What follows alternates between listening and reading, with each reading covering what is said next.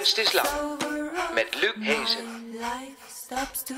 Goedenavond, welkom bij Kunst is Lang, het interviewprogramma over hedendaagse kunst in samenwerking met Mr. Motley, het online kunsttijdschrift. Je hoort ons op Amsterdam FM of later natuurlijk via de podcast. En we zijn nu live te volgen op Facebook. Zoek even naar de pagina van Motley, dan vind je ons en dan zie je ons hier zitten. Dan zie je bijvoorbeeld Hans Aarsman, mijn gast, hier zitten. En terwijl ik met hem praat, gaat Cas Egeli op dat gesprek reageren. Hij maakt live visueel iets op basis van wat we hier zeggen. Kun je allemaal zien als je nu inschakelt. En anders vind je het later terug op YouTube als je het terug wil zien. En aan het eind van de uitzending hoor je ook een project dat op Voor de Kunst staat. Frederike Kosman vertelt over het kaartspel over depressie dat ze heeft ontwikkeld. Als je het speelt, dan heb je een goede leidraad om over dat toch wel beladen onderwerp te praten. Maar eerst praat ik met Hans Aarsman. Hij is fotograaf en schrijver, maar bovenal fotodetective. Iemand die heel nauwkeurig foto's bestudeert en aan de hand daarvan probeert tot scenario's en verhalen te komen. Dat doet hij onder meer in zijn wekelijkse rubriek in de Volkskrant, de Aarsman Collectie, in theatervoorstellingen en op speciale kijkavonden. Hans, welkom. Hoi. Leuk dat je er bent. Ja. Jij hebt, jij hebt eigenlijk uh, jouw carrière, ben je eigenlijk begonnen als documentair fotograaf. En heb je veel gewerkt voor, voor media, met, met onderwerpen, met series, met een artistieke visie ook wel. Hè, echt, uh, echt uh, de fotograaf zoals we hem kennen. Ja, het bekende, bekende werk. Dus ik weet een beetje hoe het is om ergens een foto te nemen als je fotojournalist bent, ja. Ja. ja. Op een gegeven moment heb je dat allemaal achter je gelaten. Ja, ik, dat is een beetje het probleem met fotografie, is dat het, de vorm vind ik ingewikkeld. Het wordt gewoon altijd vorm. En uh, op een bepaald moment gaan, gaan, mensen zeggen dat een foto mooi is. En dan krijg ik al helemaal ramneigingen. Uh, voor mij is het gewoon informatie. En ik, ik botste elke keer tegen die schoonheid op. Dan had ik weer iets anders gedaan. Ik de camera de hele tijd de periode scheef gehouden. Of ik had het, nou ja, ik probeerde van alles. En elke keer kwam ik toch weer uit op een soort schoonheid. Het is, het is iets wat je, waar je blijkbaar niet aan komt. En toen ben ik ermee gestopt. Maar waarom is schoonheid zo vervelend? Omdat het een dooddoener is. Het, schoonheid in de zin van, uh, van uh, een mooie foto. Uh, ja, het, het, het, het, ik noem het zelf het placement gevoel. Dus weet je, als iets mooi is, dan lijkt het ook vaak op een schilderij. Dat zeggen mensen er ook altijd bij. Het, mooi, het is net een schilderij. Nou, dan is het al helemaal afgeserveerd. Hè? Ja. Het is een stukje werkelijkheid waar je iets aan kunt afleiden. En een toedracht kunt, uh, kunt bepalen. En, en zelfs een mening over kunt vormen. Dat is fotografie. Anders dan een schilderij wat in de studio wordt gedaan. En, gewoon, uh, wordt ge gewoon geconstrueerd en geanceneerd. Ja. Dus ja, dat vind ik eigenlijk een veel meer interessanter aspect van de fotografie dan of het wel of niet mooi is. Ik let ook, als er maar veel op staat, als het scherp is en niet te veel schade wil, want er verdwijnen ook altijd dingen in. Mm. En voor mij is een foto eigenlijk een stukje bevroren werkelijkheid waar ik gewoon rustig twee dagen naar kan kijken om te zien wat er nou aan de hand is. Ja. Dus je, en dan kom je vaak, als je wat meer tijd neemt, kom je tot totaal andere conclusies dan dat je in eerste instantie dacht. Daar, daarover zeker later meer. Maar nog heel even die schoonheid. Want, want wat nou als die een heel mooi stukje van de werkelijkheid laat zien? En, en mij het, het mooiste, zeg maar, de mooiste verschijningsvorm van die werkelijkheid laat zien. Ja. Dan is dat toch ook mooi? Nou, dat is eigenlijk waar alle fotografen op uh, getraind worden. Ja, dat, dat, wil iedereen. Ja, en dat is uh, als je zeg maar de werkelijkheid neemt en wat je zou kunnen fotograferen in die werkelijkheid, wat een onderwerp zou kunnen zijn, is het een miljoenste gedeelte van wat er zichtbaar is. Dus we zitten eigenlijk met z'n allemaal, weet je, met de tunnelvisie op dat ene ding dat, dat er dan mooi uitziet. Een van de redenen volgens mij ook waarom. Ja, ik moet ontzettend oppassen dat ik niet uh, leegloop. Maar dat, dat uh, waar zoveel mensen, fotografen, ook vanuit een gevoel van betrokkenheid naar de derde wereld gaan. Want daar ziet de wereld er nog uit als 17e eeuwse schilderijen. Met mensen met veel plooien in hun kleren en uh, veel stoffigheid. daken waar gaten in zitten, dus dat je van het mooie strijklicht krijgt. Leme vloeren. In, is, is, dat de reden dat dat, dat is, Ik zweer het je. Da, da, da, dat zijn de foto's die, waar wij van zeggen, oh wat mooi.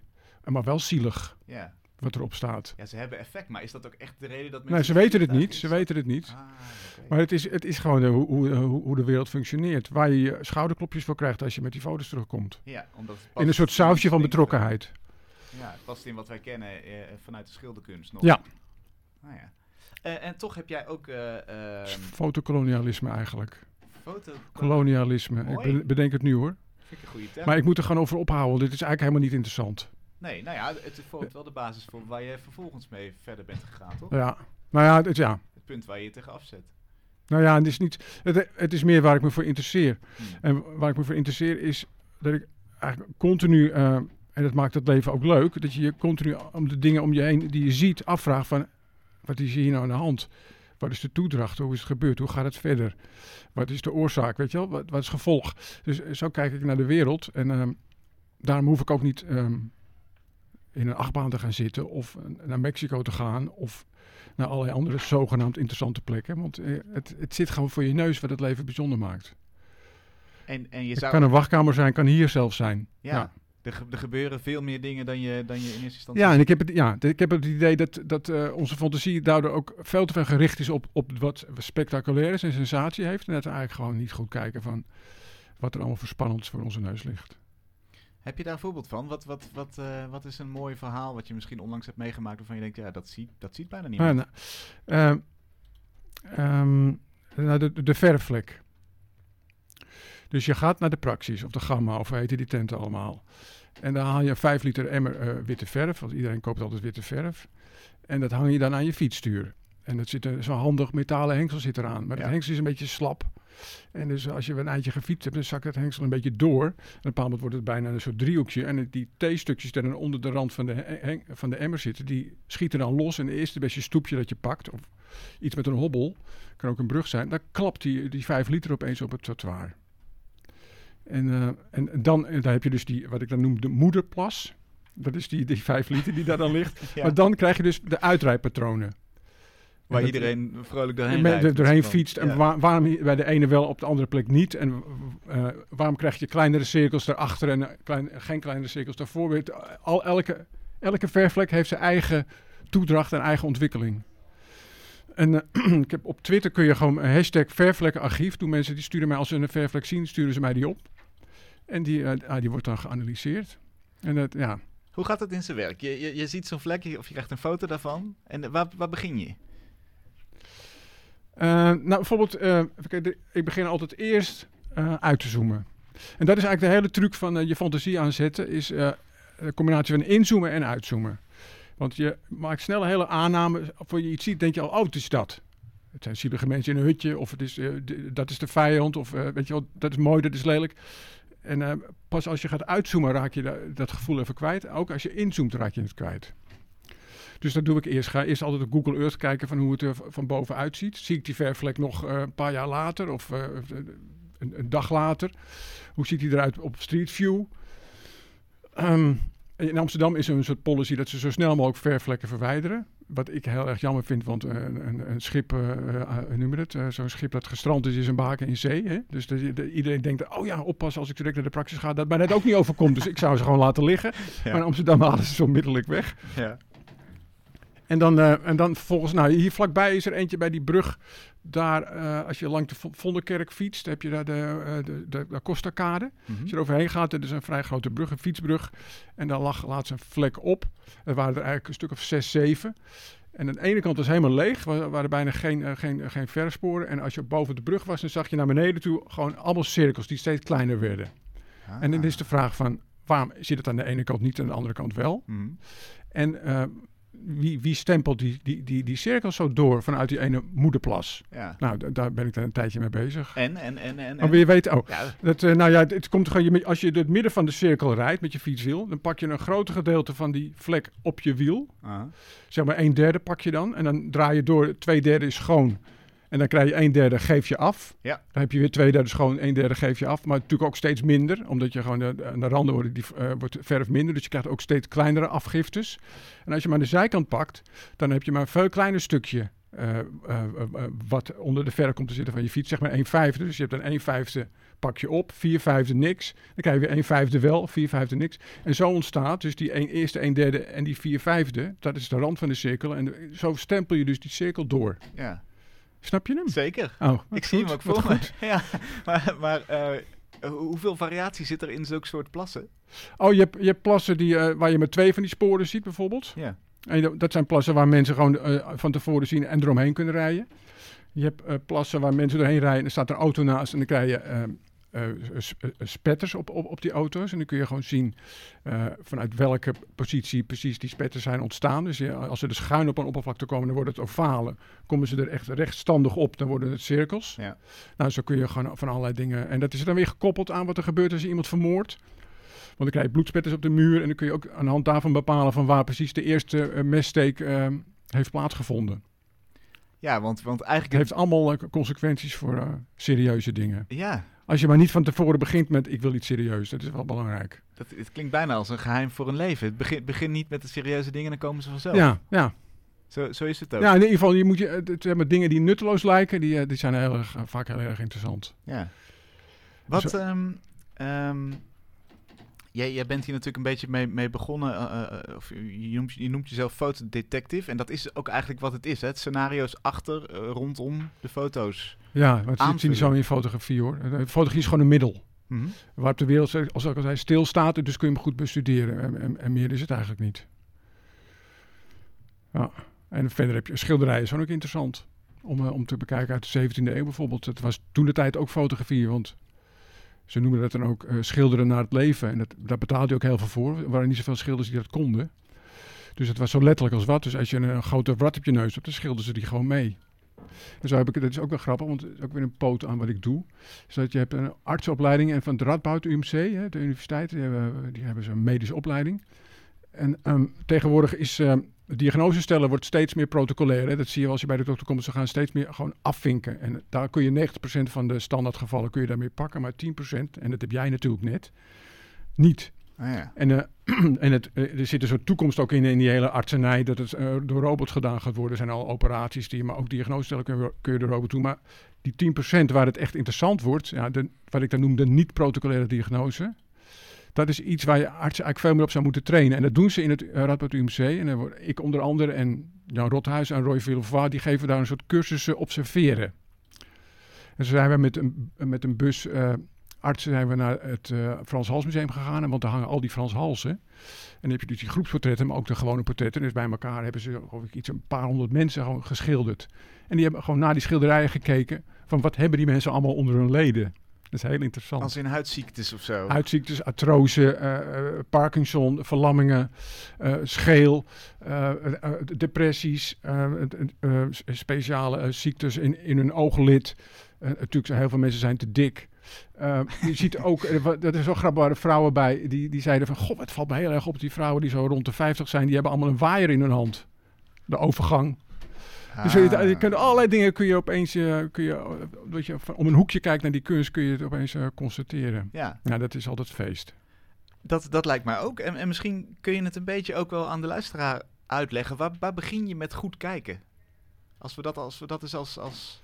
Ja, dit, dit, wat ik, uh, dus inzoomen, uitzoomen. Inzoomen, uitzoomen. uitzoomen. Dus ja, om, omdat je, we leven natuurlijk in een wereld waar je de hele tijd moet uh, beslissen van, oh, is dit gevaarlijk of niet? Uh, overleef ik dit of niet? Of hoe, is dit iemand die het goed met me bedoelt of niet? Weet je, de hele tijd ben je aan dingen aan het inschatten, dus je moet heel snel beslissen. Ja. Maar heel veel dingen eh, is het heel goed als je dat doet. Nou, of zo overleef je in het verkeer, maar ook kom je niet met de verkeerde mensen thuis. Ja. Maar uh, als je heel andere dingen die je moet beoordelen, is het juist belangrijk dat je eventjes die eerste aannamemethode, die echt heel erg intuïtief is, als je die uitzet en dan echt gaat kijken. En dat doe je dus door in te zoomen. Als je inzoomt, je pakt een detail. Behalve de, dat je het detail dan ziet, vergeet je ook de, de rest. Dus die eerste aanname, die ben je dan even kwijt. Oh ja. Zo, ik merk dat zo vaak, dat je dan ga ik gewoon met, uh, ik doe dat niet met een loepje, maar gewoon op de desktop gewoon hè, uitzoomen of inzoomen. En dan opeens dan, dan zie je denken, hé, hey, dat, dat, dat bijt gewoon met de, algehele indruk die ik eerst had. Dus dat doe je. En het andere is uitzoomen. En dat is gewoon uh, Google Earth. Kijken in welke omgeving het is. Context, de omgeving. Ja, dan zie je het altijd zo'n verrassing van als je een foto ziet van iets, uh, hoe, het, uh, hoe, het er van, hoe zo'n straat eruit ziet, waar die fotograaf gestaan heeft, hoe breed het er eigenlijk is. Je krijgt een ongelooflijk on, onmiddellijk een idee van het is nauw, het is, weet je wel, zo, daar is een bochtje. Maar dan zie je opeens dat er een, rechts een hoek is waar mensen omheen kunnen lopen, dat, wat allerlei andere consequenties uh, heeft voor, voor de toedracht van wat er heeft plaatsgevonden. Dus het uitzoomen is erg belangrijk. En wat, uh, wat, wat weet je dan vervolgens als je die context een beetje kent? Zeg maar, wat, uh, laat dat jouw begrip van het beeld anders? Of wat, wat? Nou ja, je krijgt meestal een totaal ander inzicht over wat er aan de hand is. Dus morgen staat er in de krant uh, Naturalis, dat is dat, uh, weet je, dat, dat Historisch Museum in, in Leiden. Die had in 2013 bedacht, wij willen ook een T-Rex. Dat is zo'n zo gigantische opvreetdinosaurus, hè, die ja. uh, al die grote musea hebben. Ja. En er is in, hadden ze gewoon wat mensen verteld van, je moet even oppassen. als je er ergens in Noord-Amerika is, een soort gebied waar ze wel eens worden opgegraven. En een paar maanden hadden, hadden ze, dus hun, hun spion had er een ontdekt bij een boer. En die hebben ze toen opgegraven en die is eh, uiteindelijk voor 7 miljoen dollar, oh, euro is die, eh, is die overgebracht. Die boer heeft er 7 miljoen voor gekregen. En die staat nu, eh, stond, en het, dat geld hebben ze bij elkaar ge- gefietst met allerlei andere manieren. Maar onder andere door hem ook af en toe uit te lenen. Dus nu is hij net gebracht met zijn eigen vrachtwagen naar Parijs. Dus en, er was een foto waarin die werd opgebouwd. En dan zie je zo hoe ze allemaal mannen bezig zijn met die, dat zijn allemaal kerels, ja. Die, die, die dinosaurus aan het opbouwen zijn met die gigantische botten en noem maar op. En ik zat er eerst aan het kijken, er stond een standbeeld van een man. Eh, zo, echt zo'n 19e eeuwse man in een hoek, zo'n randje. Zo. Ik, ik, ik ga eens even uitzoeken waarom hij daar staat überhaupt. Bij dat, dat bleek dus een zooloog te zijn uit begin 19e eeuw. Die, ehm, ja, toen ontdekte ze eigenlijk voor het eerst fossielen. En ook van die grote beesten. En hij postuleerde voor het eerst van, dat zijn dieren die niet meer bestaan. Die zijn uitgestorven. En toen kreeg hij gelijk de kerk op zijn nek. Want de kerk zei, sorry, maar God heeft de boel geschapen. Die gaat echt geen dingen scheppen die hij ook weer laat uitsterven. Hè? Dat, eh, wat, wat denk je wel? Dus toen heeft hij vervolgens bedacht van, eh, dat, ze, dat die grote dieren steeds het slachtoffer zijn geworden van de zondvloed. En eh, en waarop ik dacht, oh, dus waren ze zeker te groot om in de ark van Noach te passen. Nou, dus zo begint, eh, weet je, begint, ja, nu heb je dus heb je al een verhaal. Ja. En dan ontdek je opeens links in de hoek een hond. Dus je hebt dat grote beest met die botten. En dan ligt een vrolijke hond. Dat is de gelukkigste hond op aarde. Ja, gelukkig hond, maar hij lag met zijn pootjes zo heel braaf. En dan, dan zie ik op de zijkant zie ik dan een soort, eh, dat hij een hesje aan heeft. En dat blijkt dan een hesje te zijn van een blinde geleidehond in Frankrijk. Het is in Parijs, hè? Dus het is een Ah. hond van een blinde. Dus wie is dan die blinde? En dan zie je net zo tussen de armen van de fotograaf door de armen van degene die ernaast zit, maar dan alleen maar een arm. En er zit een, een bandje, een riem, een riem omheen van een camera, Nikon. Dus blijkbaar zit daar een blinde fotograaf. Nou ja, dan heb ik weer een, eh, een mooie week. Dan is ja. Want dit, en, en, en hier schrijf je dan het, het verhaal omheen. Dat is het verhaal, ja. Ja, ja. precies. En ook een filmpje voor de, de website ook, Ja. de krant. Ja, zeker. Eh, dat is volgens mij op YouTube dan weer te vinden. Hè? Dus Ja. daar, daar vind je extra informatie. Eigenlijk jouw zoektocht. Kun je zoektocht en ook de beelden erbij en zo. Ja. En filmpjes ook weer eromheen, ja. Ehm, jij, jij ziet duizenden foto's per week, persfoto's. Ja, ja 4000 per dag 4000 per dag. Ja. gemiddeld, ja. W- wat maakt eh, dat je denkt, eh, ja, hier blijft mijn aandacht haken. Hier, eh, deze komt erin. Nou, het is een combinatie van dingen die ik sowieso wel interessant vind. Dus ik, ik ben, ben erg van, van waar het leven nou vandaan komt. Dus dinosaurussen, dat, dat, dat ga ik sowieso. Oh, ja. En ik heb tot nu toe maar één, één keer een dinosaurus gedaan. Dus dat onderwerp is nu op. Maar zo zijn er heel veel van die onderwerpen dat ik denk, dat moet ik eens in de gaten houden. En verder alles wat me eh, vooroordelen eh, niet bevestigt. Dus elke keer als je eh, in het Midden-Oosten een, een, een vrouw ziet, helemaal in, in zo'n burka met en, de handen verdwijnen eronder, onder, en steken eronder uit en die heeft een, helemaal ben- benagelakt. Weet je, dan denk ik, oh ja, dat ga ik, gooi ik even in mijn mapje. Super, ik heb altijd een map super en dan gooi ik ze dan een stuk of 50 in. Super. Ja, er kunnen ook erge dingen in zitten. Dat is wel een beetje gênant. En dan en aan het eind van de week dan ga ik gewoon kijken welke moet, welke moet het worden. Ja. En dan vaak eh, wat onderzoeken en ook uitzoomen, inzoomen tot ik denk, oh, dit wordt hem. En sommige eh, die vallen dan weer af. En, Gaat en, kost wel wat tijd. en, dan, en dan gaat het er vooral om eh, waar, waar zitten interessante dingen in. Dingen die je nog, die je nog niet weet of waar, je, waar iets aan te raden is. Ja, uiteindelijk toch wel wat, waar een verhaal uit kan ontstaan. Ja. Ja. Nou zie je natuurlijk ook heel veel stereotypes, stel ik me zo voor. De al die persfoto's. Ja. Kun, je, kun je er een paar noemen? Wat zijn de standaard, de archetypische ja, persfoto's? dit is wel eigenlijk wel gênant. Eh, er zijn, ik, ik geloof iets van 50 thema's eigenlijk in de persfotografie. En dan heb je mannen achter microfoons. Dat is de helft.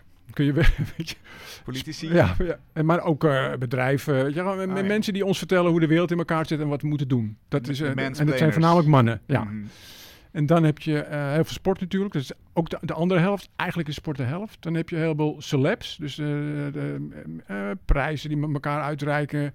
En winkelopeningen. Maar ook premières. En allemaal van die zogenaamde hoogtepunten. Die allemaal met een promotioneel doel. Ja. En dan hou je, heb je dus heel veel eh, G20's, G7. Dat is allemaal weer mannen achter microfoons Mhm. Politici die met elkaar omgaan. Dus dat, dat heb je dan ook. Dan heb je de afdeling rampen. Je- een, eh, overstromingen is altijd erg. eh, eh, aardbevingen is altijd erg. dat levert altijd goed beeld op. weet je, zo.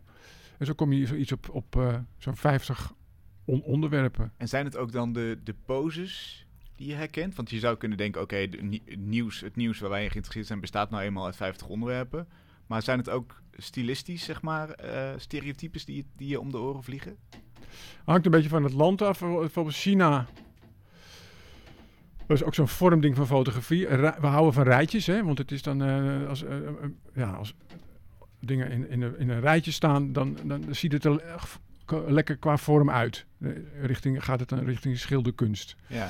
En eh, dus dat houden we van. Dus in China zijn ze heel erg van de rijtjes. Omdat a- als er ergens een aardbeving is, dan komen allemaal mannen in witte pakken. Komen dan zo, zo het gebied inlopen. Nou, foto, foto, foto, foto. En dan gaan ze in de cirkel staan. Foto, foto, foto. Dus heel veel China is, eh, is rijtjes. Rijtjes. Maar ook eh, orthodoxe joden die een of ander feestje vieren. Die is ook allemaal, allemaal dezelfde pakjes aan en dan een rijtje. Dan wordt eh, de paus die heeft een of andere inzegening. Allemaal die gasten allemaal in dezelfde pakjes en dan weer een rijtje. De islam gaat allemaal allemaal bidden. Hup, heb je allemaal weer. Dus dat, eh, ja, dat is dat vormthema. Dat gaat bij mij onmiddellijk ook de afdeling in. eh, hoeven niet te kennen, hebben we al gehad. Ja. Zijn dat, zijn dat eh, eh, onschuldige stereotypen, denk je? Of Nee. vormen die ook echt ons wereldbeeld? Ik denk dat, dat, dat eh, religie zichzelf verkoopt doordat het aansluit op hoe wij denken dat eh, we ons tegen de chaos kunnen wapenen. Door het te bezweren met een soort schijnbare orde. Ja, precies. Ja. Dus dit is de, de visuele vertaling van er is niks aan de hand, mensen, we hebben alles onder controle. Ja. Die rijtjes. Ja. Oh, ja. Dat is bezwering. Eh, religie is bezwering van, eh, van de onzekerheid over het bestaan en niet met toeval om kunnen gaan. ja. En, en de man achter de microfoon is natuurlijk ook een soort eh, eh, de, de, held of de, de persoon die, die de oplossing kan Ja, hij is degene die, eh, die vertelt. eh, nou, er staan ook altijd eh, in Amerika ook zie je ook altijd, altijd eh, ook weer hele rijtjes erachter. Hè? Dus altijd eh, Ja, als Trump iets tekent of eh, maar ook Obama doet er allemaal niet toe. ja. Het is allemaal hetzelfde principe. Ik denk niet dat je het zomaar moet weggooien, want voor sommige mensen is, eh, Het is een volgebakken orde eh, heel goed. Ja. Maar niet voor, voor een verhaal niet interessant. Voor mij is het niet zo. Nee, op een bepaald moment heb ik dat verhaal wel eh, een keer. eh, dat kan je, niet, kan je niet tien keer vertellen, natuurlijk. Nee, ik heb het wel eens een keer verteld en nog een keer, maar toen dacht ik, nou moet ik maar eens weer ophouden. Ja. Maar jou wil ik het graag vertellen. Nou, dat, is- dat is fijn. dat is goed om te horen. en hoe zit het dan met, met een Kim Kardashian en die, die bij, bij Trump op bezoek is, wat het nieuws van de week is? Dan heb je toch een celebrity die, die bij de president van Amerika is. Eigenlijk eh, vakjes die jij misschien had uitgevinkt. Maar zou daar geen verhaal in kunnen Ja, die, dat, dat check ik wel. Dat check ik wel. Maar dat zijn ook vaak dingen die zo van tevoren geproduceerd worden door allerlei bureautjes die zorgen dat het er allemaal goed en perfect uitziet. Nee. Dat je, of je moet het daar weer over hebben, wat ik ook weer vervelend vind. Maar ik, ik check, dat check ik wel. Ik wist het niet. Ik, eh, dus, eh, wanneer is ze geweest? Ja, de afgelopen week. Oh, Dat nou was, kijk. was eh, groot nieuws. Oh. Er zijn handelsoorlogen ontketend, maar dit, het ging in Amerika ging, over ja, Kim Kardashian. Kim die- Kardashian. Ja. Tijd iets over haar gehoord. Oh, Nee, maar die ga ik wel even volgen, ja. Ja, misschien, Ja, wel misschien, even weten. misschien alsnog. Maak je zelf toch wel eens een foto? Gewoon, Heel veel. Ja? Ja. Met welk doel? Dagboek. En gewoon echt puur vastleggen. Vandaag nog gedaan? Ja, vandaag, wat heb ik gedaan vandaag? Het weer fotografeer ik altijd. Oh. Eh, in die zin, eh, je hebt op eh, die bijenradar heb je dat ze dan het weer voorspellen, hè, twee weken ver. En dat, dat fotografeer ik. Dan kan ik gewoon zien wat er morgen weer, bedacht is over volgende week donderdag. En wat er overmorgen bedacht is over volgende week donderdag. Dus ik probeer een soort... Ik maak ook veel diagrammen van dingen. Ik tel veel. Dus ja, het is allemaal toedracht proberen te, te achterhalen. Ja. En op een, op een speelse eigen manier. Hoe vaak zit het weerbericht ernaast? Eh, dat is grappig. Dat valt eigenlijk best wel mee. Het is iets van eh 20%. Oh. En eh, ja. En ik heb ook gecheckt wat ze ook dus het, het- qua positief en negatief is wat er gebeurt evenveel als dat ze voorspellen. Ook al zitten ze dan op de dag zelf ernaast, maar ze houden dus wel een soort optimisme, hou- houden ze gewoon, dat levelen ze. Hoe, hoe bedoel je dat? Dus dat je, dus zeg maar, de- de, eh, als het weer gewoon 80% mooi is en 20% lelijk, dan Mhm. zal ze in hun voorspelling is het ook 80% mooi en 80% lelijk. Hoewel dus de dag zelf ze ernaast kunnen zitten, maar ze zijn dus niet pessimistischer dan de werkelijkheid. En volgens mij houden ze dat ook in de gaten in zo'n algoritme. Ja. Oké. Eh, wat, ik, wat ik me nog bedacht, hè? als Je, je- je lacht zo van, nou ja, Nee, nee, nee. Nee, nee, oh. ik, nee, nee, ik, ik, wat grappig, ik dan je me daarmee voor te bezig stellen. houdt. Ja, nee, ja, ook dat. Maar ik zit me ook voor Ja, maar dat zit ik goed. Ja, dat zit ik goed. Ja, dat, dat is het effect wat Ja, maar dat heb ik mij, mij ook. Ik denk ook van, we, slaan het eigenlijk op. Ja, wat En dan moet je steeds tegen vechten. Ja, want, want het is weer... Ja, je weet gewoon niet wat het oplevert. Ik doe, ik doe het al twee jaar, het volgen dagelijks van het weer. En een Ja. moment ga ik dat gewoon, wordt dat wat? En, en eh, wanneer heeft dat dan nut? Als, als het een theatervoorstelling bijvoorbeeld oplevert? Of, of hoe, Ja, kan, nou, op, ja, gewoon als onderdeel van een theatervoorstelling Ja. kan, het, eh, kan, het- kan het een rol spelen over, over vo- voorspellen en bezweren. Want weer is gewoon ook pure bezwering. Hè? Want eh, Als je het echt wil weten wat, wat, wat voor weer het heeft, dan moet je gewoon s morgens uit je raam kijken. Maar Ja. we gaan steeds meer kijken naar eh, eh, van wat, wat de voorspellingen al- al- allemaal doen. Ja. Dus eh, ja, we, we worden gewoon getraind om mensen die zeggen van het gaat zo en zo gebeuren. En het weer is daar één van. Om dat te geloven. ja. En, Terwijl de praktijk spreekt het zo vaak tegen. Moet je eens aan mensen vragen van hoe vaak denk je dat het regent in Nederland pro- procentueel? Op een schaal van 1 op 100 hè? Hoe vaak denk jij dat het hier regent in, in tijd? ja. 50% van alle tijd regent het? Nee, minder. 25? Ik denk eh 30. 6. 6 procent? Ja, Oh. leuk hè? Ja, Oh, maar wel hard hè dan. Ja, precies. Ja, dat, dat, dat zal het zijn. Cas, eh, we gaan eens even kijken wat, eh, wat jij aan het doen bent. Pak de microfoon erbij. Wat, ehm, hoe gaat het bij jou? Ehm, ja, ik ben eigenlijk ehm, meteen aan de gang gegaan met ehm, iets wat aan het begin gezegd werd, namelijk ehm, nou ja, jou als detective als het ware en zoekend naar de context van, eh, van een foto of ehm, ja, een manier om meer clues te halen uit, eh, uit het beeld dat je voor je ziet eigenlijk. Eh, ja, in mijn eigen werk werk ik vaak met museumruimtes. en eigenlijk had ik nu even mezelf een soort van de uitdaging gegeven van... oké, maar hoeveel kunnen we dan verstoppen in, in het beeld dat je voor je ziet? Dus ik heb nu een sculptuur van Frans West ehm, voor me gezet op beeld, als het ware. En nu ben ik aan het proberen een tentoonstelling te maken... die zich volledig achter die sculptuur ehm, plaats gaat vinden. Ja. Ah, als, maar, maar, maar volledig, zodat hij onzichtbaar is? Of nog wel Ehm, met zoals ik hem nu op mijn scherm voor me heb, is het, eh, zie je alleen de sculptuur van Frans West. Oké. Ehm, en zodra de camera ook maar enigszins tilt van eh, perspectief, zie je meer van de expositie als het ware. ja, want we moeten misschien nog bij zeggen dat jij op een laptop aan het werken bent. Je werkt in een Ja. soort van 3D-tekenprogramma. Ja, klopt. Oké, en eh, eh, eh, uitspraken die je hoort, vormen die dan weer de basis voor wat er achter dat sculptuur terechtkomt? Ehm, ja, ik, ik wel, vond het heel mooi dat je schoonheid als do dooddoener noemde eigenlijk. Ehm, omdat, eh, ja, in de beeldende kunst is natuurlijk schoonheid altijd zo'n omstreden onderwerp eh, geweest. En het is heel makkelijk om, eh, voor, voor veel museumbezoekers in ieder geval, om iets aan de kant te zetten als, eh, als lelijk, dus het niet waard om naar te kijken. En dat is ook de uitgangspunt geweest om Frans West bijvoorbeeld hier op de voorgrond te plaatsen. Omdat hij voor mij echt het symbool is van iemand die ik een hele goede kunstenaar vind, maar door iedereen af, of nee, niet door iedereen, maar de meeste museumbezoekers afgeschreven wordt als lelijk, dus niet waard om naar te kijken. Ja, ja, ja. Ja. Hans, werkt het ook andersom? Dat mooie dingen zijn vervelend, maar zijn lelijke dingen daardoor ook interessanter? Nee, het is gewoon een categorie die heel erg eh, ver- verwarrend is.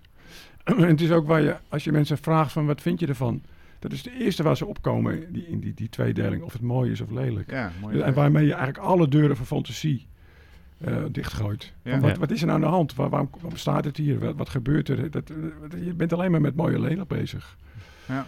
Als je een mazzel hebt, zeggen ze nou, eh, knap opgekomen of zo. Ik Ja, denk dat ja. nou, dat- dit is nou ook weer zo Zou een. het zo Ja. kunnen bedenken? Maar Ja. dat je erin verplaatst. Oh, dat wou ik ook nog zeggen. Dat het zo belangrijk is eh, je te verplaatsen in de situatie die je voor je hebt. Dus in de mensen die erop staan doe ik ook heel veel. Dus stel je voor dat ik er ben. Dat, Hmm. dat, dat scheelt ook heel erg. Ah, ja. Als tip. Oké, dankjewel. Nou, Cas, we komen zo weer bij je terug. En dan kijken we of er al iets eh, te zien is achter het standbeeld of dat het echt zo, eh, zo blijft. Je luistert of kijkt natuurlijk naar Kunst is Lang met fotodetective Hans Aarsman. En eh, eh, Hans, dat is ook vrij letterlijk soms, detective. Hè? Bijvoorbeeld eh, foto's van onopgeloste moordzaken. Bekijk je ook wel. Ja, ja daar hou ik ook erg van. Ja. Dus we hebben zo'n clubje waar we dat mee doen. Ik heb de, je kunt er overal foto's van moordzaken vinden. En dan kijken we er gewoon naar wat er gebeurd is. Scenario's bouwen aan de hand van, van wat je voor je neus hebt. Is er nou ook ehm, een volgende stap waarin de wereld helemaal fictie wordt voor jou? Ik bedoel, je schrijft. Maar, maar schrijf je geen, geen korte verhalen bijvoorbeeld? Of, of echt fictie? Nee, dat zou ik niet gauw doen. Ik lees ook bijna geen fictie. Nee. Wat, wat maakt dan dat, dat, die, dat die ene poot in de werkelijkheid zo belangrijk nog is? Ja, omdat. ehm, ja, het, het, eh, de, de check. Dus je, je, je hebt een aantal data voor je neus, gegevens, feiten. En dan, je, en dan vervolgens bouw je een aanname over wat er aan de hand is. En ik vind het spannendste dat je dan vervolgens. Daar leid je af. Oké, als dat aan de hand is, dan zou ook dat moeten gebeurd zijn. Of als ik dan dit verander, zou dat moeten gebeuren. Als het die aanname klopt. Dan check je dat in die werkelijkheid. Ja. Da, daar, dat, dat moment, dus zeg maar, dat deductie en inductie, dat vind ik, dat is voor mij echt een feest. ook als het, als het dus ontkend wordt, dat blijkt dus niet te kloppen, dan moet je weer met een andere aanname komen, weet je wel, zo.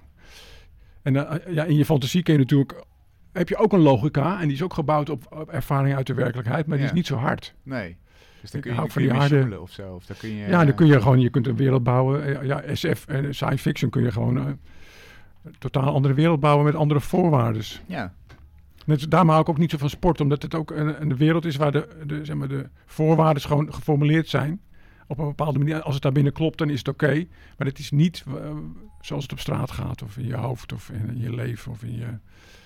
En dat vind, dat vind, ik, eh, dat vind ik spannend. ja. Om, om daar, de- daar je fantasie achter te krijgen. Achter dat wat Gary Winogrand eh, het banale van het bestaan noemt. Om, om daarachter de schoonheid van, van in, de, in, in, in de zin van hoe bijzonder eh, de, de schepping is. Wat er allemaal te ontdekken valt. Hoe het functioneert. Zo de eindeloze hoeveelheid eh, onopgeloste vragen. ja. Ja, is feest.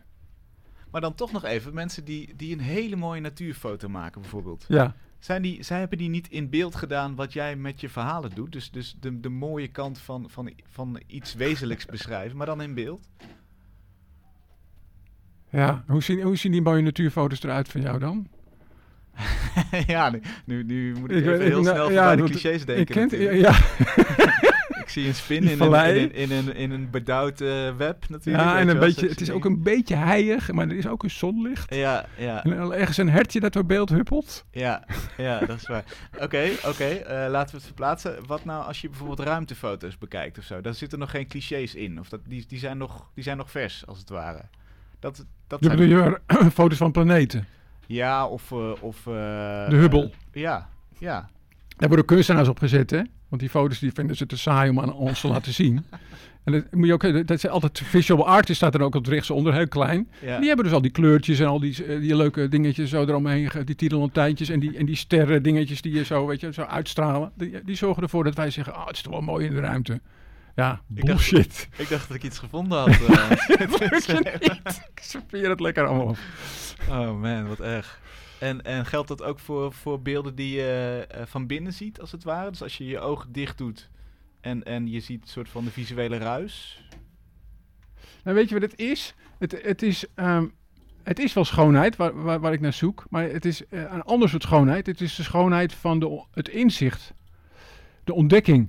Dat je denkt, oh, het zit zo. Oh ja, K- ken je dat gevoel dat het ook een soort, eh, eh, eh, ja, wat ik bij echt goede kunst ook heb, dat je opeens denkt, ah, het zit gewoon zo. Zo moet ik er naar kijken. Ja.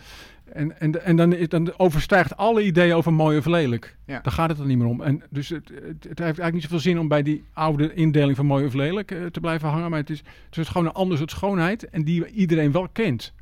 Maar die wordt niet als schoonheid eh, gedefinieerd. Ik liet zelf het woord ook vallen schoonheid. Maar ik bedoel dus, ja, eh, het is de schoonheid van de ontdekking. Dat je denkt, oh shit, ja. Hé, dat ik daar overheen gekeken heb. Nou, te gek. Nu weet ik het. Bij welk werk heb je dat? Welk kunstwerk heeft dat? Oh, ik ben eh ongelooflijke liefhebber van eh Fiesli en Weiss. Dus uh, Love That dingen, dat is voor mij, dat is, ken je dat? Die, dus die video van die, die dingen die elkaar steeds weer aansteken en doorrollen en zo, met al het geknesper op de achtergrond. Ja. En ik vind eh, hun evenwichtsdingen ook echt te gek. Ook die foto's van, de, van, de, van luchthavens. Het, eh, echt mensen die zo ontzettend van het leven houden. In, in zijn vorm, zoals het echt is. Omschrijf er eens één met, de- met, met de luchthaven. Nou, de- zij, eh, omdat eh, alle kunstenaars ook allemaal moeten reizen. Want die gaan altijd naar allemaal van die plekken waar iedereen altijd weer hetzelfde wil zien. En, en dus zij hebben op een bepaald moment bedacht: ik, we gaan op, op die vlieghavens gaan we gewoon foto's nemen. Ah, En het is een van de boek geworden met luchthavens heet het. Dus dan eh, zie je ook al die karretjes rijden, weet je. Die zijn overal weer anders. Dus een heel beschrijvend, een heel soort brede foto's, panoramisch van, van een luchthaven. Vanuit de passagiersterminal. Veel informatie. Veel informatie, ja. En die evenwichtsdingen, ken je die? Dat is een aardappel met een vork erin en daar een glas op, op, op en uiteindelijk, een, een- ik geloof, een, een, vervelende zondagmiddag heet het vertaald. Of een, een gezapige zondagmiddag of zoiets. Ah, ja. en, dan, en dan, dat blijft dan net in evenwicht. Gewoon al die dingen die er zo uitsteken. Ja. En, en dat, dat vertelt dus iets, dat vertelt ons iets over de werkelijkheid. Of dat vertelt ons een soort van diepere waarheid, om het maar, maar groots te benoemen. Nou, het zet iets eh, eh, open hoe je eh, twee jongens met z'n tweeën een, een ongelooflijk bijzondere dag kunnen hebben. Ja. En door gewoon te spelen met wat dingetjes die je zo uit de, uit, uit de bestekla haalt en uit de, uit de koelkast. En, en uit, je, ja, uit, je, uit je pennenbakje. Dat, dat, eh, dat, eh, en dat, dat je dat even... Ik kan er heel lang naar kijken van, maar waarom valt het ding niet om? Wel, zo. Ja, dus de, de, de, de meest banale middelen, maar die, die iets wonderlijks aanstippen of die iets Ja. wonderlijks teweeg brengen. En wat ook wat misschien, eh, dat is misschien dan wat fantastischer, wat ik ook echt liefhebber ben, is Yves, Kle- eh, Yves Klein. Dus die, De blauwe. en dat komt gewoon omdat hij een hele rare theorie had. Hij, dacht, we, we, gaan dat materialisme achter ons, ons laten, dat is de toekomst. En, eh, en, en daardoor, eh, materialisme is de dingen die je kunt vastpakken en kunt hebben ook. En dat komt dus op de drie dimensies heeft. En we gaan naar een wereld die tweedimensionaal is. Dat is eigenlijk Daarvoor wilde hij, als je twee dimensies had, dan kon je ook zweven. Dan zat je ook niet meer vast aan de zwaartekracht. En zo kom je ook op die monochromen. Die hebben geen diepte, maar wel een diepte in hun kleur. Maar niet een diepte in een soort, dat je met je tengels aan kunt zitten. Ja. Dus de hebberigheid. Hij had ook tentoonstellingen die die, weet je wel, dan kon hij een schilderij kopen en dan moest je dat in bladgoud betalen en liet hij dat zo in de scène liet hij dat zo eh, eh, wegfladderen. Dus hij, het waren tentoonstellingen waar niks hing, waar hij alleen maar wat bedacht had. Dus is iemand, ja, is iemand die zo mooi zuiver vanuit een theorie waar wat wel op aan te merken valt, zijn werk maakt. Een wereldbeeld. En ik ook zo ontroerend aan hem vind is dat hij, hij was dus heel erg op blauw en hij was heel erg op Maria omdat hij ook natuurlijk eh, een mens dat eh, de- naar de hemel steeg, hè, met Ja. die hemelvaart. Ja. En eh, toen hij al lang dood was, daar deed hij trouwens ook, ging hij ook naar Japan om, om te leren karate. om te kunnen zweven. Dat was ook het idee.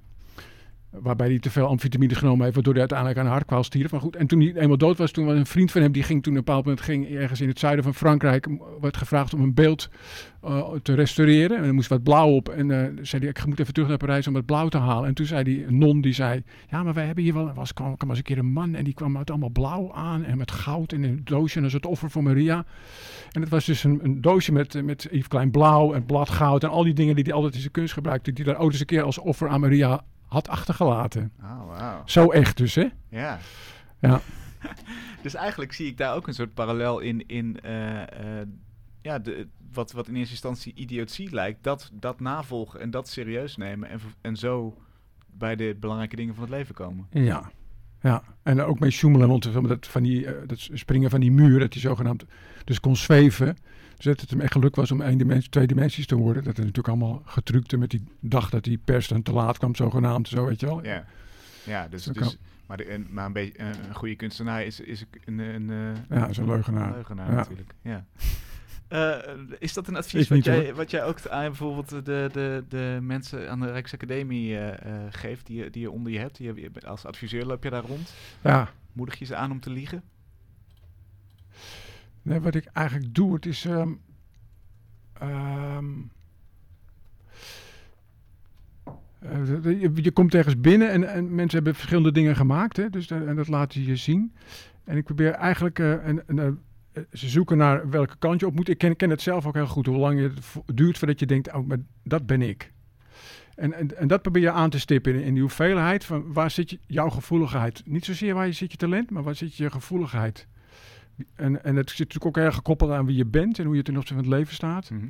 En dat, dat probeer je te accentueren. Daar kan je ook naast zitten, maar het gaat in een gesprek. Probeer dat, en dan, maar ze moeten het zelf doen. Het is helemaal niet zo dat je. ik- Daar doe ik helemaal geen uitspraken over. Over wat ik mooi, mooi of lelijk vind. Daar gaat het helemaal niet om. Maar het gaat echt in dat je een soort spiegelt.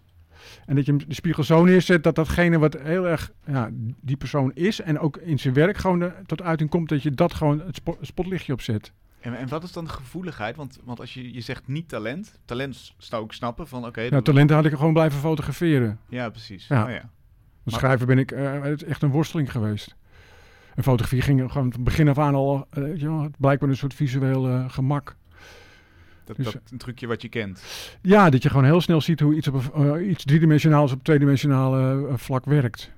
En gevoeligheid vervolgens? En gevoeligheid is, is, is eh, ongelooflijke voorliefde voor het stellen van diagnoses. Dus, eh, nou. En dan gaat, oh, komen we daarbij. Want de, de volgende show gaat er ook over. Die heet Dr. Aarsman. Ik had eigenlijk dokter moeten worden. Dat wou mijn moeder, maar ja, je weet hoe jongens zijn. Op een bepaald moment worden ze eigenwijs. En, eh, maar nu ben ik eigenlijk wel soort dokter geworden, omdat ik de hele tijd diagnoses stel. Alleen heb ik dan geen arts, geen patiënt in mijn wachtkamer, maar de rest van de wereld. Ja. Dat is het idee. En eh, eh, diagnoses als in dat, je, dat, dat, dat, er verhalen bij ontstaan. Maar zijn dit ook dingen waar, mensen, waar je mensen echt mee helpt? Kunnen we de parallel zo ver doortrekken? Nou, als mensen ziek zijn, dan eh, kan ik wel eens een goede diagnose stellen, ja. dit, is wel, dit is al gebeurd? Ja, dat gebeurt, dat gebeurt regelmatig, ja. ja. ja want ik heb biochemie gestudeerd. Ja. En dus ik weet wel het een en ander van de, de medische praktijk af. En dan zeg je dat, dat dat vlekje daar op je huid, zou ik eens naar laten kijken? Of? Ja, maar dit is wel, eh, het is wel heel makkelijk. Ja, oh, no, dat, Ja, dat, dat- dat is te makkelijk. dat zou Sherlock Holmes... Ja, eh, ja, even de neus Sherlock Holmes. het is ook leuk, dat die Sherlock Holmes, ehm, dat, dat is eigenlijk mijn grote... toen vond ik me weg door Sherlock Holmes. En ik dacht van, weet je, die, ah, ja, televisie eh, is allemaal heel leuk, maar die boeken, dat, eind 1900, kan niks zijn. Maar ik zat in een huis, ik verveelde me rot en was, ik ben niet zo van de vakantie. En er lag dus een boek van Sherlock Holmes. En ik was echt gelijk verkocht. Het is zo, nou, het is snel, het is spannend, het is eh, scherp, het is ja, grappig. En, en, het, en het is klierig ook. Het is, en het is eh, tegen, de, tegen de establishment. Het is ook zijn succes ook geweest waarschijnlijk. Omdat in die tijd een, eh, je mocht, eh, zeg maar, de eh, adel mocht je niet eens als getuige oproepen. Laat staan als verdachte verhoren. Dus, en dat deed hij de- als, er een, als er een graaf in beeld komt bij Sherlock Holmes, dan heeft hij het altijd gedaan. Ja, dus dat, ja. dat is ook een de reden. Maar goed, die ehm Arthur Conan Doyle, die schrijver, was arts. Watson is arts. Arthur Conan Doyle, die, hè? Zijn hulpje, hè? Watson? Zijn hulpje, ja, die, die de verhalen opschrijft. Waar hij dan, Sherlock Holmes dan in de verhalen van Watson dan tegen hem zegt van ja, zoals jij het opschrijft, is allemaal veel te romantisch, dat is ladiekoek. Waardoor Ja. wij het gevoel krijgen, het is allemaal nog veel echter dan dat wij nu te horen krijgen van Watson. Dat vind ik ook zo geniaal. Ja. Maar die, eh, die, die Doyle, die, eh, die eh, studeerde medicijnen in Edinburgh in ehm, eind 1900, eh, 19, 1856 begon hij daar zo'n beetje. Was net de tijd dat opkwam dat je mensen kon verdoven. Dus dat je niet gewoon in 28 seconden een been moest amputeren, maar gewoon rustig de tijd had om het goed te doen. En hygiëne. Eh, toen, vlak daarvoor gingen drie van de vier mensen gingen gewoon dood na een operatie door allerlei eh, gangreen en allerlei eh, infectieziektes. Dus toen begon het, begon het zo'n beetje. En hij kreeg eh, les van een man, en iedereen kreeg les van die man, een chirurg. Die liet patiënten gewoon eh, live op een podium komen. Er zat een zaaltje met allemaal artsen, allemaal kerels nog in die tijd. En die, eh, die moeten dan op hem aflopen. Hij gaf ze een hand en dan zei hij, hij heeft het is een kleffe hand of het is een koude hand. En dan hoorde je van wat voor een accent hij had. En hij zei, hij ruikte hiernaar uit zijn mond en onder zijn oksels ruikt hij daarna. En dan moesten die, eh, die studenten zeggen van wat die man of die vrouw had. Ah, ja. Het is eigenlijk gewoon wat Sherlock Holmes doet. Hè? Alle verhalen, je komt binnen en je ziet aan je manchetknoop welke trein je genomen hebt en hoeveel kinderen je hebt. Hè? Dat, dat, zo werkt het altijd. En, en, en, en Doyle was niet zo rijk en die was de klerk van die, van die chirurg, Joe Bell. Dus die, heeft, die kwam dus eh, een paar maanden, begon die eh, artsenpraktijk, dat ging niet zo goed. Maar hij had dit hele pak, pakket aantekeningen over, die, over die, eh, die colleges van die Joe Bell, had hij gewoon bij zich. En dat is eigenlijk het begin geweest van de Sherlock Holmes verhalen. Dus het is helemaal om de medische wereld zit het heen. Ja, En diagnoses stellen. ja nou, en, en die twee heb jij, heb jij ook in je. Ja, dat, dus ik, nou, toen, ik, toen ik Sherlock Holmes begon te lezen, denk ik, nou, dat ligt zo lang al op, op je pad. En toen viel opeens echt een kwartje in mijn hoofd.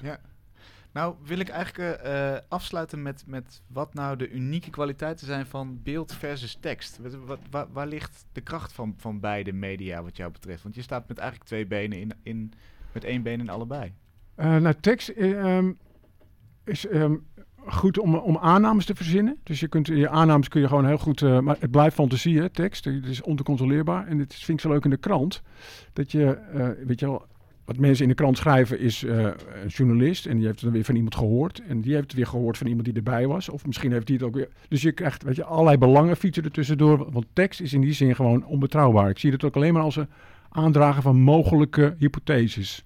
Niet, eh, niet iets afleiden over wat er echt gebeurd is.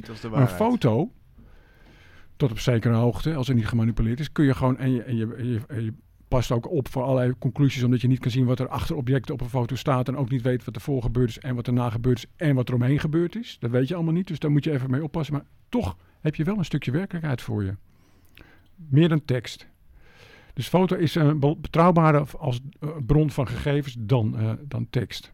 In die ene split second die, die afgedrukt is. Ja.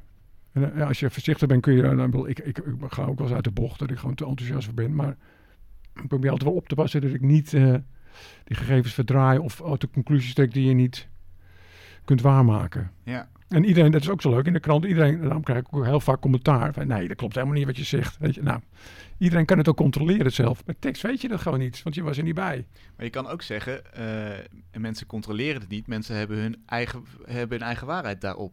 zien andere dingen. Ja, Letterlijk. op, op een foto. Ja. En verbinden er andere conclusies aan. Dus is dat, Ja. Is dat meer waarheid dan een tekst? Want ook daar heb je je eigen preoccupaties en je eigen voorkeuren. En je Ja. eigen... Maar, die, maar die conclusies kun je gewoon, die zijn gewoon, eh, noem je dat, intersubjectief. Die kun je gewoon, eh, kun je zeggen van, nou, dat klopt niet, want enzovoorts.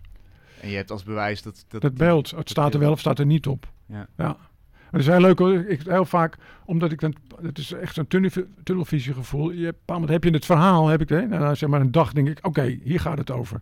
En dan ga je het allemaal zo organiseren en dan ga je het schrijven. En omdat je dan in het verhaal zit, zie je sommige dingen gewoon niet. Ik had, wat had ik nou laatst? Eh waren eh, een paar eh, prostituees opgepakt in Duitsland en die hadden handdoeken over hun hoofd. En die politieagenten die ze wachten, die waren gepixeld. En ehm, dat vond ik op zich al fascinerend, dat die, dat die prostituees niet vertrouwden dat zij ook gepixeld zouden worden. En, ik, en dan wil ik ook altijd weten, hoe laat is het nou? Want er waren geen, eh, er waren geen hoerenlopers opgepakt, dus dat vond ik uh, zo, s morgens heel vroeg misschien. Hmm. Ik zag een zonnetje staan en zo en heb ik die plek opgezocht waar het precies was. Dat duurde ook al een tijdje op YouTube of eh, Street View. En een moment wist ik, oké, de zon staat hier en dan ga je kijken eh, waar stond de zon op die dag op die plek. Dan kun je dan ook allemaal op sites opzoeken zo. En dus was het zo laat. Dus met heel veel moeite kwam ik op half tien uit. En eh, nou, eh, ik trots natuurlijk, de helft van de tekst gaat over de, de hele zoektocht naar de half tien. Dan krijg je gewoon op Twitter krijg je een berichtje van iemand. Heb je dat horloge gezien van die ene politieagent? Oh. Staat gewoon op half tien. Dan zeg je, ja, ah, ik had, had ik het toch goed gedaan. Een halve dag geschild. Maar dan zie je, omdat je zo, weet je wel, je zit gewoon op die ene weg en dan zie je dat andere niet. ja. Dat is een goede tik. Maar je hebt er nu veel meer plezier van gehad natuurlijk. Ja, en het was een hele leuke Je zoektocht. hebt het Ja. zelf uitgevonden. ja. Maar het is maar als, als, als bewijs dat je, dat je, je ziet een bepaalde, dat heeft de politie natuurlijk ook bij, bij alle dingen, je zit in een bepaalde stroom. En het is zo moeilijk om dan nog eventjes zijweg in te slaan. Ja. En dan heb je gewoon iemand met een frisse blik voor nodig, die, die aanname die jij dan weer hebt, die die, die, niet, eh, die niet heeft. Dus, dus eigenlijk zouden we kunnen concluderen dat jij zegt een beeld zegt meer dan duizend woorden. Dat, dat klopt. Dat, dat, een beeld is, is betrouwbaarder dan die duizend woorden. Ja, ik, ik weet- ja. Dat, ja. Ja, ik, vind het, ik vind het, heb het altijd zo'n stomme uitdrukking gevonden. Ik weet eigenlijk niet waarom, maar eh, het is maar niet wat, wat het beeld... Je hebt heel veel beelden die dat, eh, helemaal niks zeggen. En je hebt beelden die, die zeggen wel wat, maar dat hoor je niet. En je hebt beelden die... eh, ja, Nee, hoe, hoe zit dat? nou ja, die, de- omdat er niet naar geluisterd wordt. De mensen gewoon niet goed kijken. Of, dus ik, ik, ik weet het niet hoe je dat dan moet formuleren. Maar wa- wa- wat grappig is, wat ik dan eigenlijk het stomste vind, niet zozeer dat ik die horloge niet zie. Maar op de krant zei ze het al tegen me toen ik de, de, de foto inleverde. Zei dus die jongen die de lithografie doet, Stan, die zei: Heb je dat horloge gezien? En toen dacht ik: Ik ga dat gewoon negeren. Terwijl je eigenlijk moet zeggen: het zou, dat, En dat vind ik het mooiste, dat je je onzekerheden er op een manier in, in fietst. Dat je er gewoon zegt: hey, God, ik ben nu een halve pagina bezig. Maar nu zie ik opeens dat, nu ziet die jongen van de lithografie ziet opeens dat horloge. Nou, het klopt dus ook nog half tien. Ja. Weet je, en dat je dat dan niet bedenkt, daar sla ik mezelf over mijn kop. Oh ja. Dat je die die ruimte niet hebt om, om uit je... eh, eh, oh, ik heb het allemaal ontdekt nu en eh, het zal dan allemaal wel kloppen. Ja. Dat je, dat je niet de nederigheid weer in kunt fietsen van... Ik, ik heb een fout gemaakt, maar ik draai hem zo dat, die, dat ik er vooruit kom. Zou Sherlock Holmes dat doen? Nee, Nee, toch? nee, Nou, die doet het niet. Nee, Dan, dan nee. jij ook niet. Nee. Dankjewel, Hans. Kas, hoe is het afgelopen met jou, eh, met het beeld en, het ach- en de achtergrond? Ja, het was mooi. Eh, het kwam eigenlijk eh, op een of andere manier heel erg samen met wat jullie zeiden over ehm, oncontroleerbaarheid en verzonnenheid. Ehm, ik ben namelijk gaan kijken naar de beelden die ik achter het beeld heb geplaatst eh, in eerste instantie. En daarbij gaan schrijven waarom ik denk dat ik ze erachter heb geplaatst. Omdat ik er in eerste instantie zo min mogelijk over na heb gedenkt, gedacht. Ehm, en beide beelden zijn nu een soort teksten eh, verschenen die ja, beschrijven waarom het beeld er zou zijn geplaatst. Eh, al dan niet fictief. ehm, over mijn eigen intenties, als het ware. Ja. Wauw. Klinkt heel abstract waarschijnlijk. Nou als ja, je het vol- ziet, eh. ik, ik denk dat, eh, dat mensen, mensen moeten het zien, maar, maar ze, ze zullen een hoop ook niet zien natuurlijk. nee, dat, is waar. Hoewel, er, er is nu de mogelijkheid, doordat de camera toch eh, verschoven is, eh, om de draai te maken en het uiteindelijk toch te zien wat erachter eh Oh, ja, staat. oh ja, je zit nu aan de zijkant te kijken. Ja, klopt. De, ja, jij kunt meekijken nu. Maar de draai, eh, Ja, bang. Ja, komt-ie. ja, Ja. de draai kan gemaakt worden. Dankjewel. Ik vind het een schitterende visualisatie van, eh, van wat we hier Ja, eh, besproken hebben. Mooi. Dankjewel, Cas. Jij ook bedankt, Hans. Ja, graag. Dan gaan we nu door met eh, Voor de Kunst. Dan sluiten we de uitzending mee af. Onze, onze partner voor de kunst is dan aan de beurt de website waarop mooie projecten staan die gesteund kunnen worden via crowdfunding. En deze keer is dat Alles Goed, het kaartspel van Frederike Kosman. Frederike, ga lekker zitten achter de microfoon. Ja, Alles Goed, waar, waar komt dat vandaan, die titel? Um, nou ja, dat is eigenlijk iets wat mensen elkaar heel vaak vragen. Dat ze maar op een dag wordt het je zo tien keer vraagt, alles goed? Ja. Maar nou, ja, probeer het zelf maar eens echt eerlijk te beantwoorden. Is alles goed? Alles en, en, en nooit alles natuurlijk. Precies. Ja, maar volgens mij is het ook bijna niet de bedoeling dat je dat, je dat zegt, toch? Het is meer een soort formaliteit? Of? Ja, klopt. En dat is eigenlijk een beetje het grapje achter de naam uh, van een project Alles Goed. Dat iedereen het elkaar altijd vraagt, maar nooit een eerlijk antwoord verwacht. Ja, ja ten, tenzij het echt misschien goede vrienden zijn of zo. Maar, maar dat, ik snap dat, dat dat de ingang is. En, en uh, het gaat dan ook over depressie, dus, dus zeker niet alles goed.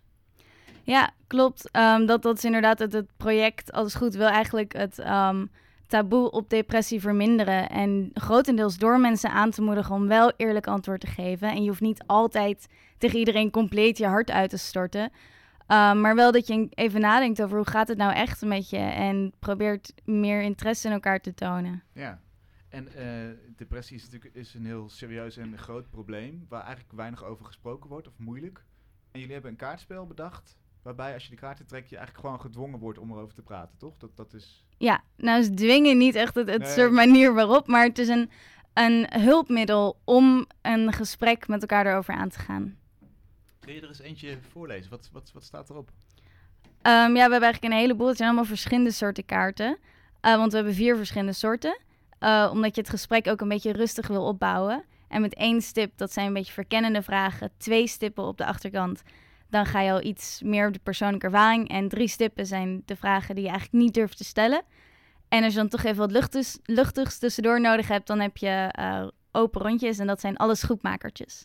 Om dus toch lieve, leuke dingen, zoals bijvoorbeeld bovenop ligt nu, wat is mijn beste eigenschap? Mm -hmm. um, want het idee is dat je het spel speelt met iemand die je kent. Um, om toch ook weer die positieve kant, want daar richten we heel erg op. Um, en het idee is eigenlijk dat je gewoon gaat verdiepen in wat, wat is een depressie voor jou en voor mij. Als iemand met een depressie, maar ook juist als naaste. Omdat ook, het is heel zwaar voor de mensen in de omgeving als je iemand kent met een depressie.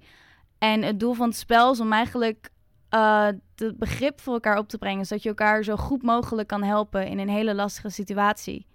Wat, noem eens een van die moeilijke vragen. Van die, die vragen die we eigenlijk niet durven te stellen. Um, Wanneer bereikte je een dieptepunt? Uh, wat deed je toen en hoe kwam je daar weer uit? Hmm. Heb je er nog een? Um, eens even kijken. Um, wat vind je leuk aan het leven? En tijdens een depressie. Ja, dit klinkt heel grappig, want voor een heleboel mensen is dat misschien een hele makkelijke vraag. Ja.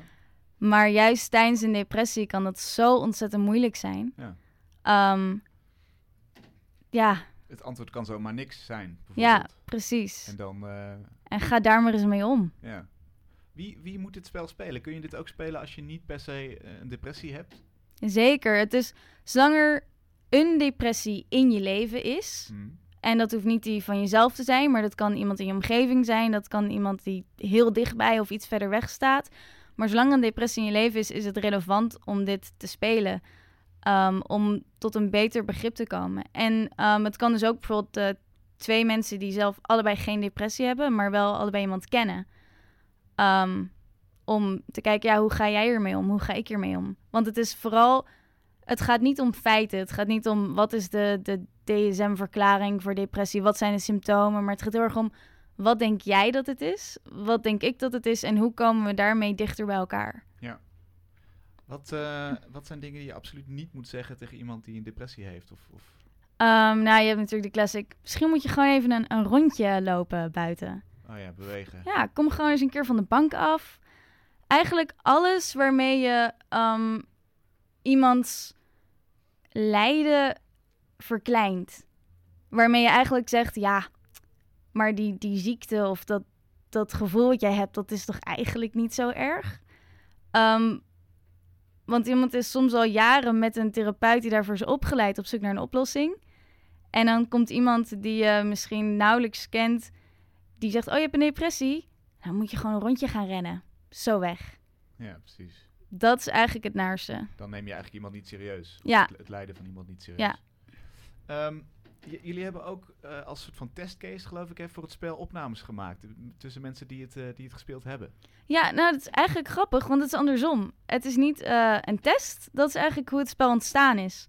Ehm, want wat we eigenlijk doen met het, het, het Witte Bos, de stichting waar het project Alles Goed van is, is we doen impact storytelling. We gebruiken verhalen van mensen om maatschappelijke problemen onder de aandacht te brengen, waaronder depressie.